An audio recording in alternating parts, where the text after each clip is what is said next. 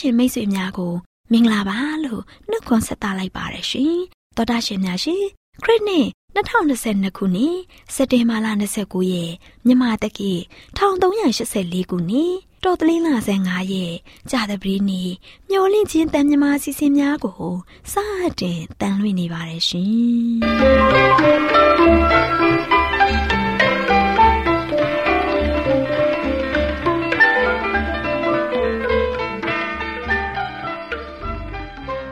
တော်တာရှင်များခင်ဗျာမျောလင့်ချင်းအတန်မြန်မာအစီအစဉ်ကိုနက်နက်6နာရီမိနစ်30မှ9နာရီအထိ16မီတာ kHz တစ်ခွန်ခွန်23ညညပိုင်း9နာရီမှ9နာရီမိနစ်30အထိ25မီတာ kHz 11943ညမှအတန်လွှင့်ပေးနေပါတယ်ခင်ဗျာဒီကနေ့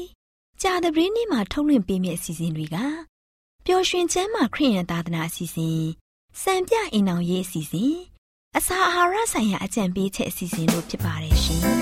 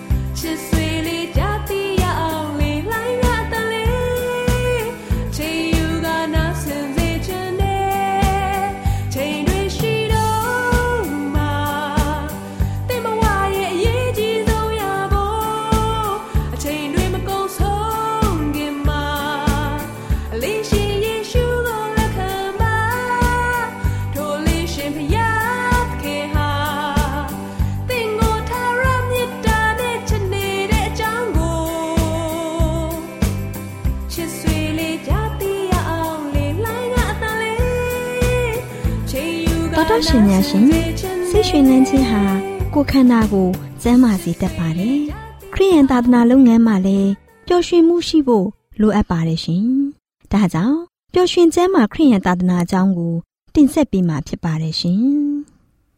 ။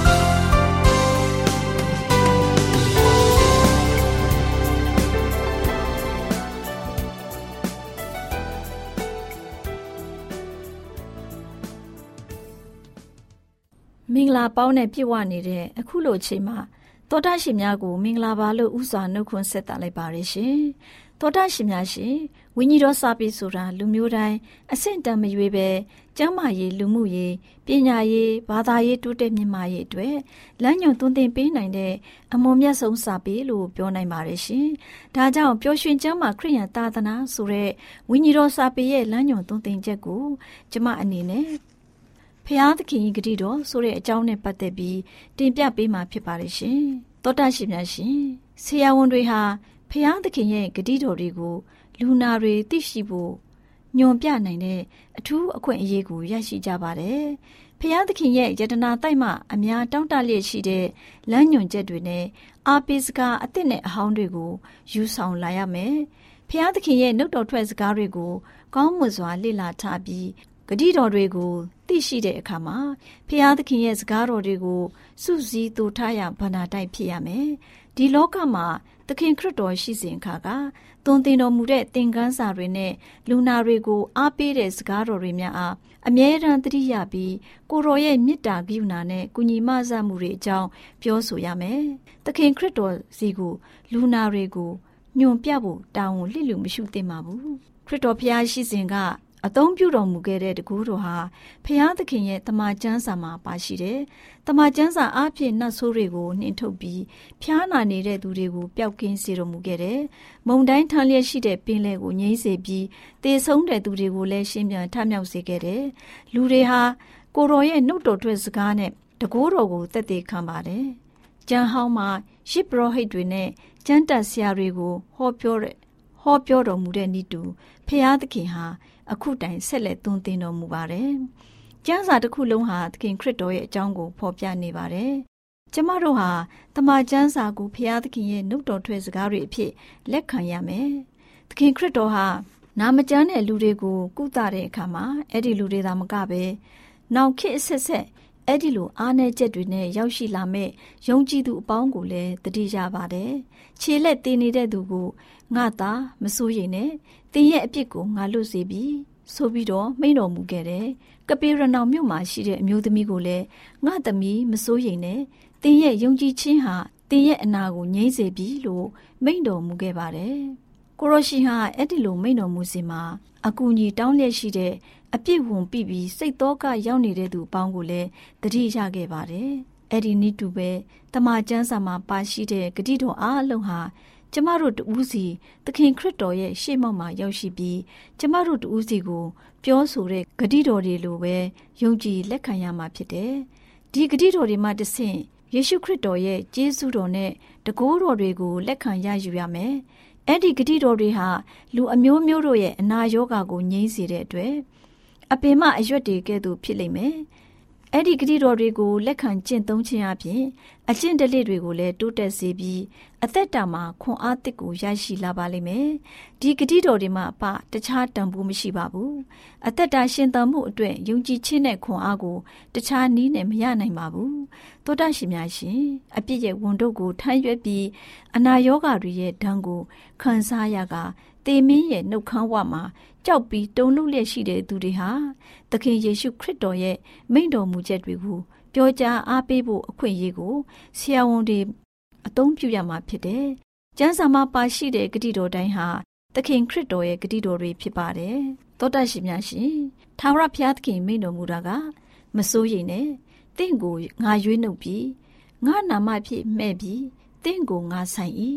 တင်းဒီရေကိုလျှောက်သွားသောအခါတင်းနှင့်အတူငါရှိ၏မြစ်တို့ကိုလျှောက်သွားသောအခါမနစ်မမွန်းရမိကိုချင်းနှင်းသောအခါလည်းမလောင်ရမီးလျံလည်းမညိရအကြောင်းမူကားငါသည်တင်ဤဖျားသခင်ထာဝရဘုရားဖြစ်၏တင့်ကိုရွေးသောသခင်ဣသရေလအမျိုး၏တန်ရှင်းသောဘုရားသခင်ဖြစ်၏တင်သည်ငါမျက်နိုးရာဖြစ်သောကြောင့်အတရေရှိပြီးငါလည်းချစ်၏ ငါတပါးတည်းသာလျှင်ကိုအတွက်ကြောင့်တင်ဤအပြစ်တို့ကိုဖြေမိတင်ဤအပြစ်အမှုတို့ကိုမအောင်မေမစိုးရိမ်နှင့်ငါသည်တင်နှင့်အတူရှိ၏လို့နှုတ်ကပတ်တော်ကဖော်ပြထားပါတယ်ဆက်လက်ပြီးတော့နှုတ်ကပတ်တော်ကအဘသည်သားတို့ကိုတနာဆုံမဲ့သည်နိတု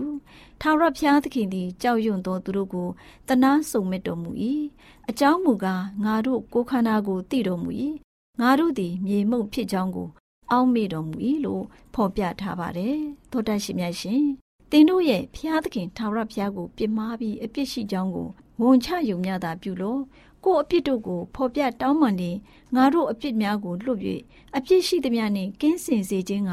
ဖျားသခင်သည်တစ္ဆာတရားနှင့်၎င်းဖြောင့်မတ်ခြင်းတရားနှင့်၎င်းပြည့်စုံ၏လို့နှုတ်ကပတ်တော်ကလည်းဖော်ပြထားပြန်ပါတယ်။ ဒါတွေမကသေးပါဘူး။တင်ဤအပြစ်တို့ကိုတိမ်တိုက်ကဲ့သို့၎င်းတင်ဤအပြစ်တို့ကိုတိမ်လွာကဲ့သို့၎င်းငါချီပြီးငါထံသို့ပြန်လာလောတင့်ကိုငါရွေးနှုတ်ပြီးလို့နှုတ်ကပတ်တော်ကလည်းဖော်ပြထားပါတယ်။သောတရှင်များရှင်ဒီအကြောင်းအရာကိုကြားနာသိရှိရခြင်းဖြင့်သောတရှင်များကိုဖျားရှင်ကောင်းကြီးပေးပြီးဝိညာဉ်ခွန်အားရရှိကြရစေုံသာမကဘူး ဝိညာဉ်ခွန်အားရရှိနိုင်ကြသည်သာမကဘူးကျမ်းမာခြင်းဒုက္ခနဲ့ပြည့်စုံကြပါစေလို့ဆုတောင်းမေတ္တာပို့သလိုက်ပါတယ်ရှင်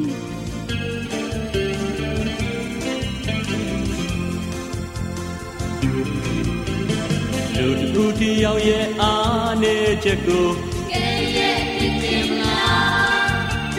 လူတူတယောက်ရဲ့အမားတစ်ခုအတွက်နဲ့ဒီချီနာမလာစဉ်းစားပါ သင်သည်လည်းပဲဖြူစင်သလားသင်ရဲ့ဘဝမှာဘယ်သူကများအပြစ်နဲ့လွတ်ကင်းနိုင်ပါလဲ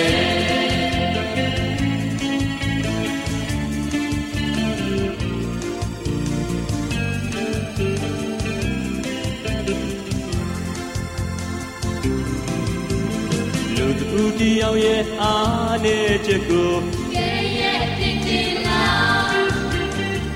လူတူတယောက်ရဲ့အမားတစ်ခုအတွက်နဲ့ဒီချီတော်မလာစဉ်းစားပါသင်သည်လည်းပဲဖြူစင်သလားသင်ရဲ့ဘဝမှာဘယ်သူကများအပြစ်နဲ့လွတ်ကင်းနိုင်ပါလဲကိုတော်မိန်တော်မူသည်ကလူတူတယောက်ရဲ့ဖြစ်များကိုအချိန်ချင်းခွင်လို့ရမှာပဲ ဆိုခဲ့တယ်ကိုနေဆက်ဆိုင်တော်သူကိုအစင်သာခွင်လို့တတ်ခဲ့ရင်သင်သည်လည်းပဲပြလို့ချင်းကိုခံရမယ်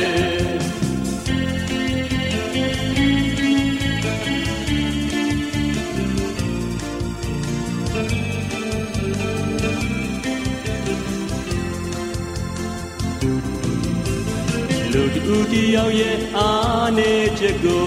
ရဲ့ရဲ့ဖြစ်ခြင်းလား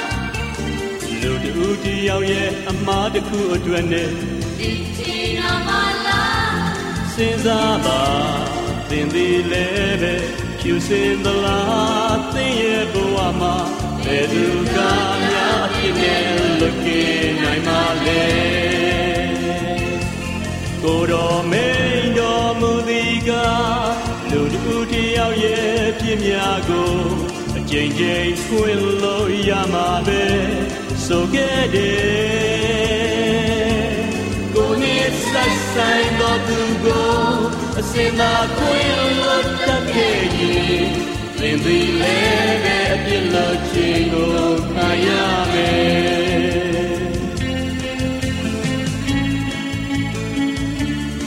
တော်တရှင်များအားလုံး ရှင်လန်းချမ်းမြေတော်မူကြပါစေ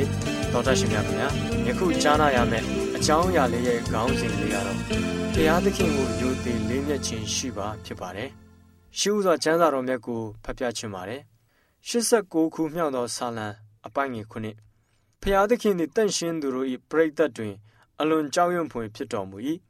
အထံတော်၌ပတ်လည်နေသောသူအပေါင်းတို့ထက်ယိုသေးဖွယ်ဖြစ်တော်မူ၏အလေးထားချစ်မြတ်နိုးအပ်တဲ့ နောက်ထပ်အဖိုးတန်ကျေးဇူးတော်တစ်ခုဟာယူသေးလေးမြတ်ခြင်းဖြစ်ပါတယ်။ဖျားသခင်ကိုစစ်မှန်တဲ့ယူသေးလေးမြတ်ခြင်းဟာ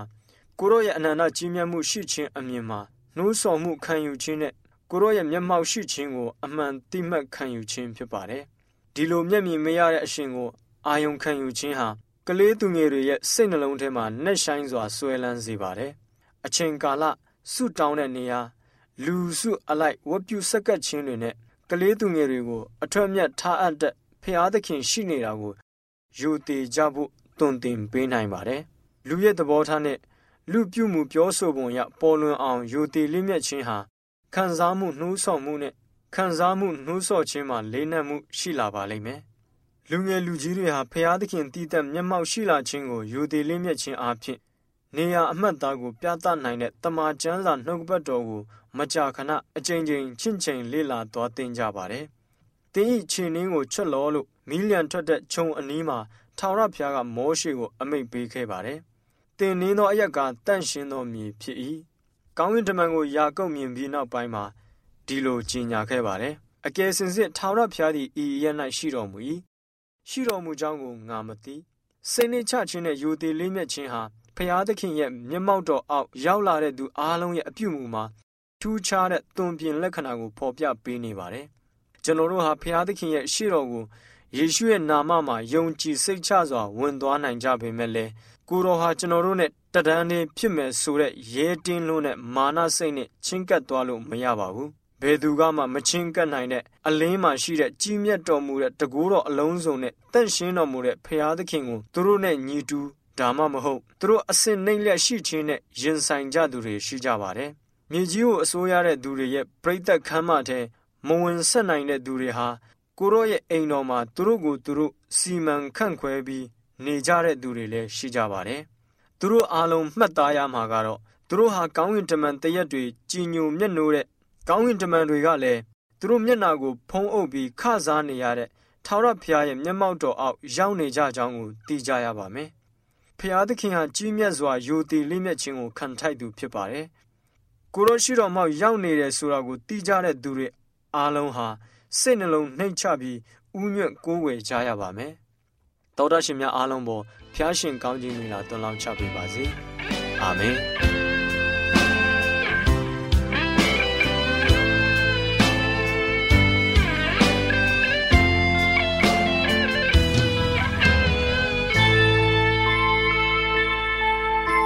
င်ထိတ်ကစီသောစံရည်လီလာသူမြတ်တရား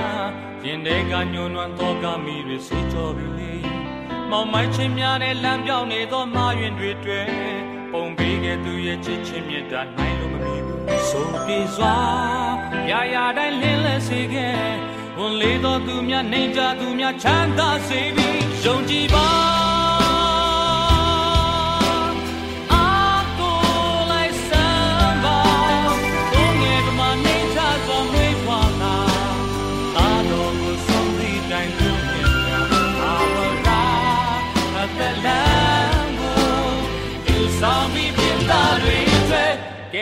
တင်ရှင်ပါ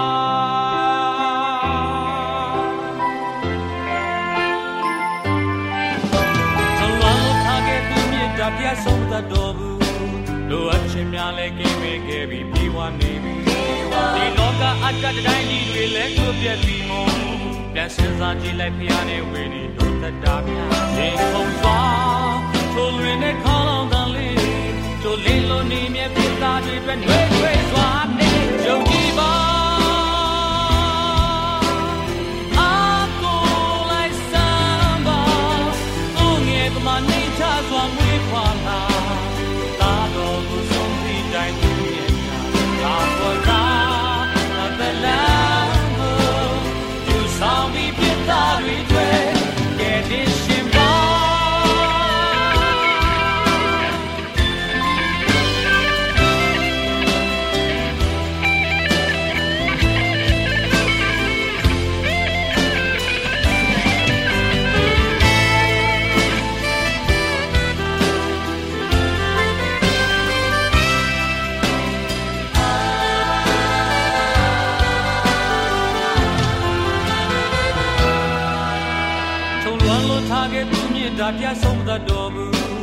အပ်ခြင်းများလည်းကင်းမဲ့ခဲ့ပြီးပြေဝနေပြီဒီလောကအတ္တတိုင်းကြီးတွေလည်းကျိုးပြက်ပြီးမို့ပြန်စင်စားကြည့်လိုက်မြားနဲ့ဝေနေတို့သက်တာများရင်ဖုံစွာထိုလွင်နဲ့ခေါလုံးတန်လေးတို့လင်းလို့နေမြတ်ပြသားတွေအတွက်နှွေးထွေးစွာနေယုံကြည်ပါ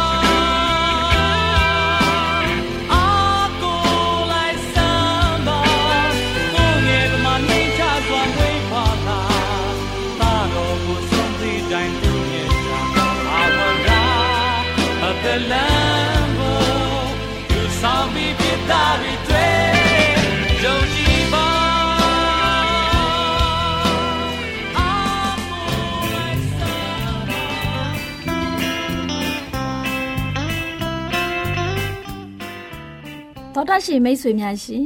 လူသားတို့အသက်ရှင်ရေးအတွက်အစာဟာရကိုမျှဝဲစားတောက်နေကြရတယ်ဆိုတာလူတိုင်းသိပါပဲဒီလိုမျှဝဲစားတောက်ကြတဲ့အခါ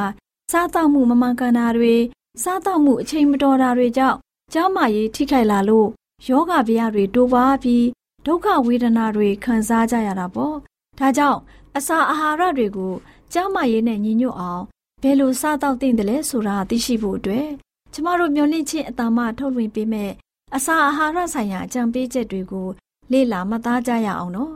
သောတာရှင်များရှင်ဒီနေ့အစာအာဟာရဆိုင်ရာအကြံပေးချက်ကဏ္ဍမှာ တက်သေးအထောက်ထားခိုင်လုံတဲ့အရာအလုံးဆိုတဲ့အကြောင်းကိုတင်ပြပေးမှာဖြစ်ပါတယ်သောတာရှင်များရှင်မိမိတို့လှုပ်ဆောင်ရမယ့်ကဏ္ဍတွေကိုကျမတို့လှုပ်ဆောင်ပြီးစားတော့တဲ့အရာတွေကိုသိရှိနားလည်ပြီးတော့ကြားမရေးကို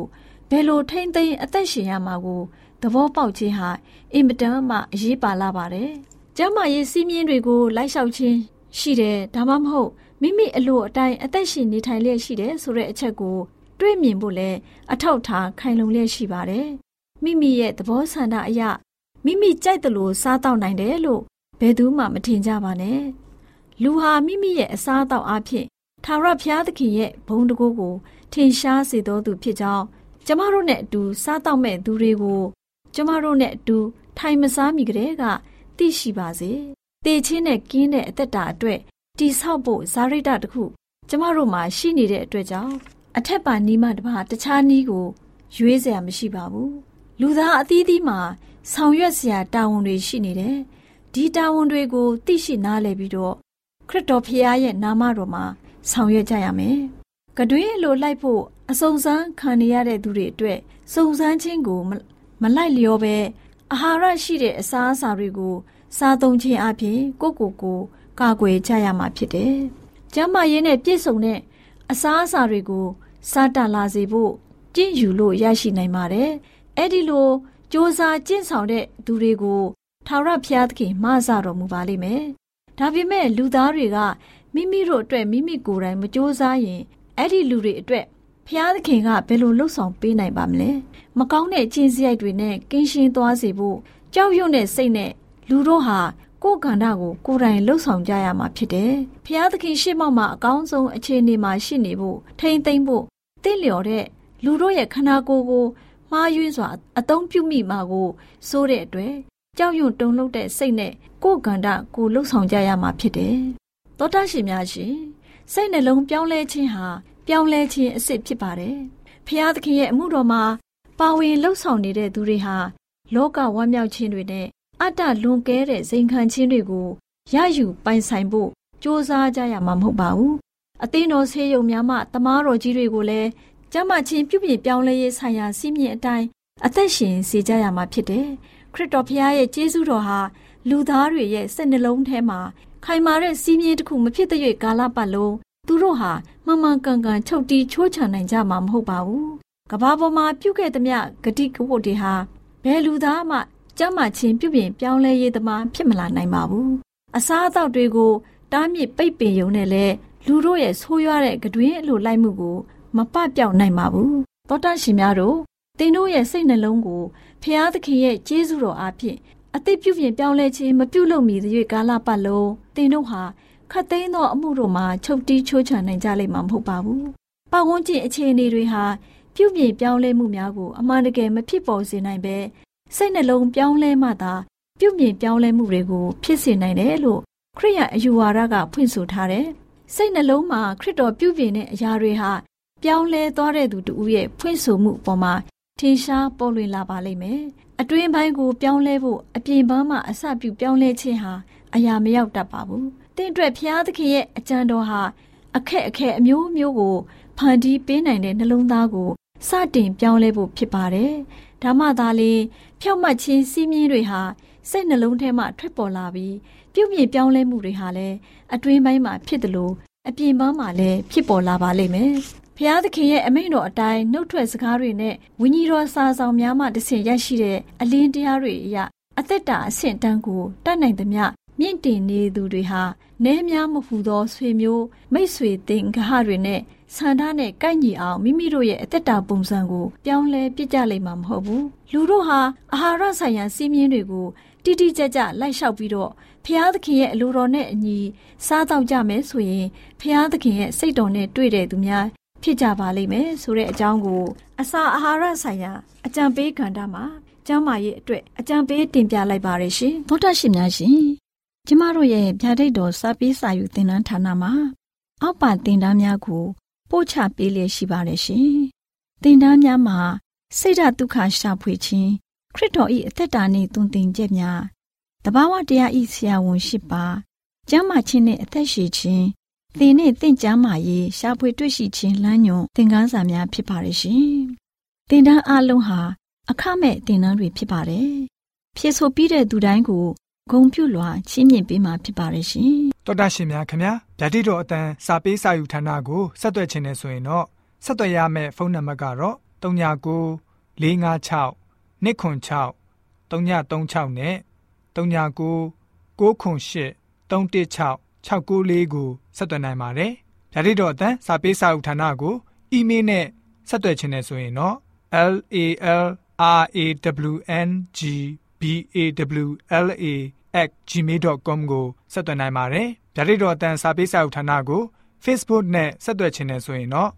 S O E S A N D A R Facebook အကောင့်မှာဆက်သွင်းနိုင်ပါတယ်။ AWR မျော်လင့်ခြင်းအတန်ကိုအားပေးနေတယ်တော်တာရှင်များရှင်မျော်လင့်ခြင်းအတန်မှာအကြောင်းအရာတွေကိုပုံမသိရှိပြီးဖုန်းနဲ့ဆက်သွယ်လိုပါက39ကို2939 3926ခွန်45နောက်ထပ်ဖုန်းတစ်လုံးအနေနဲ့39ကို688 664 48ခွန်ကိုဆက်သွယ်နိုင်ပါတယ်ရှင် AWR မျော်လင့်ခြင်းအတန်ကိုအားပေးနေတဲ့တောတာရှင်များခင်ဗျာမျော်လင့်ခြင်းအတန်ကအကြောင်းအရာတွေကိုပုံမသိရှိလိုပြီးတော့ ဖုန်းနဲ့ဆက်သွယ်လို့မယ်ဆိုရင်တော့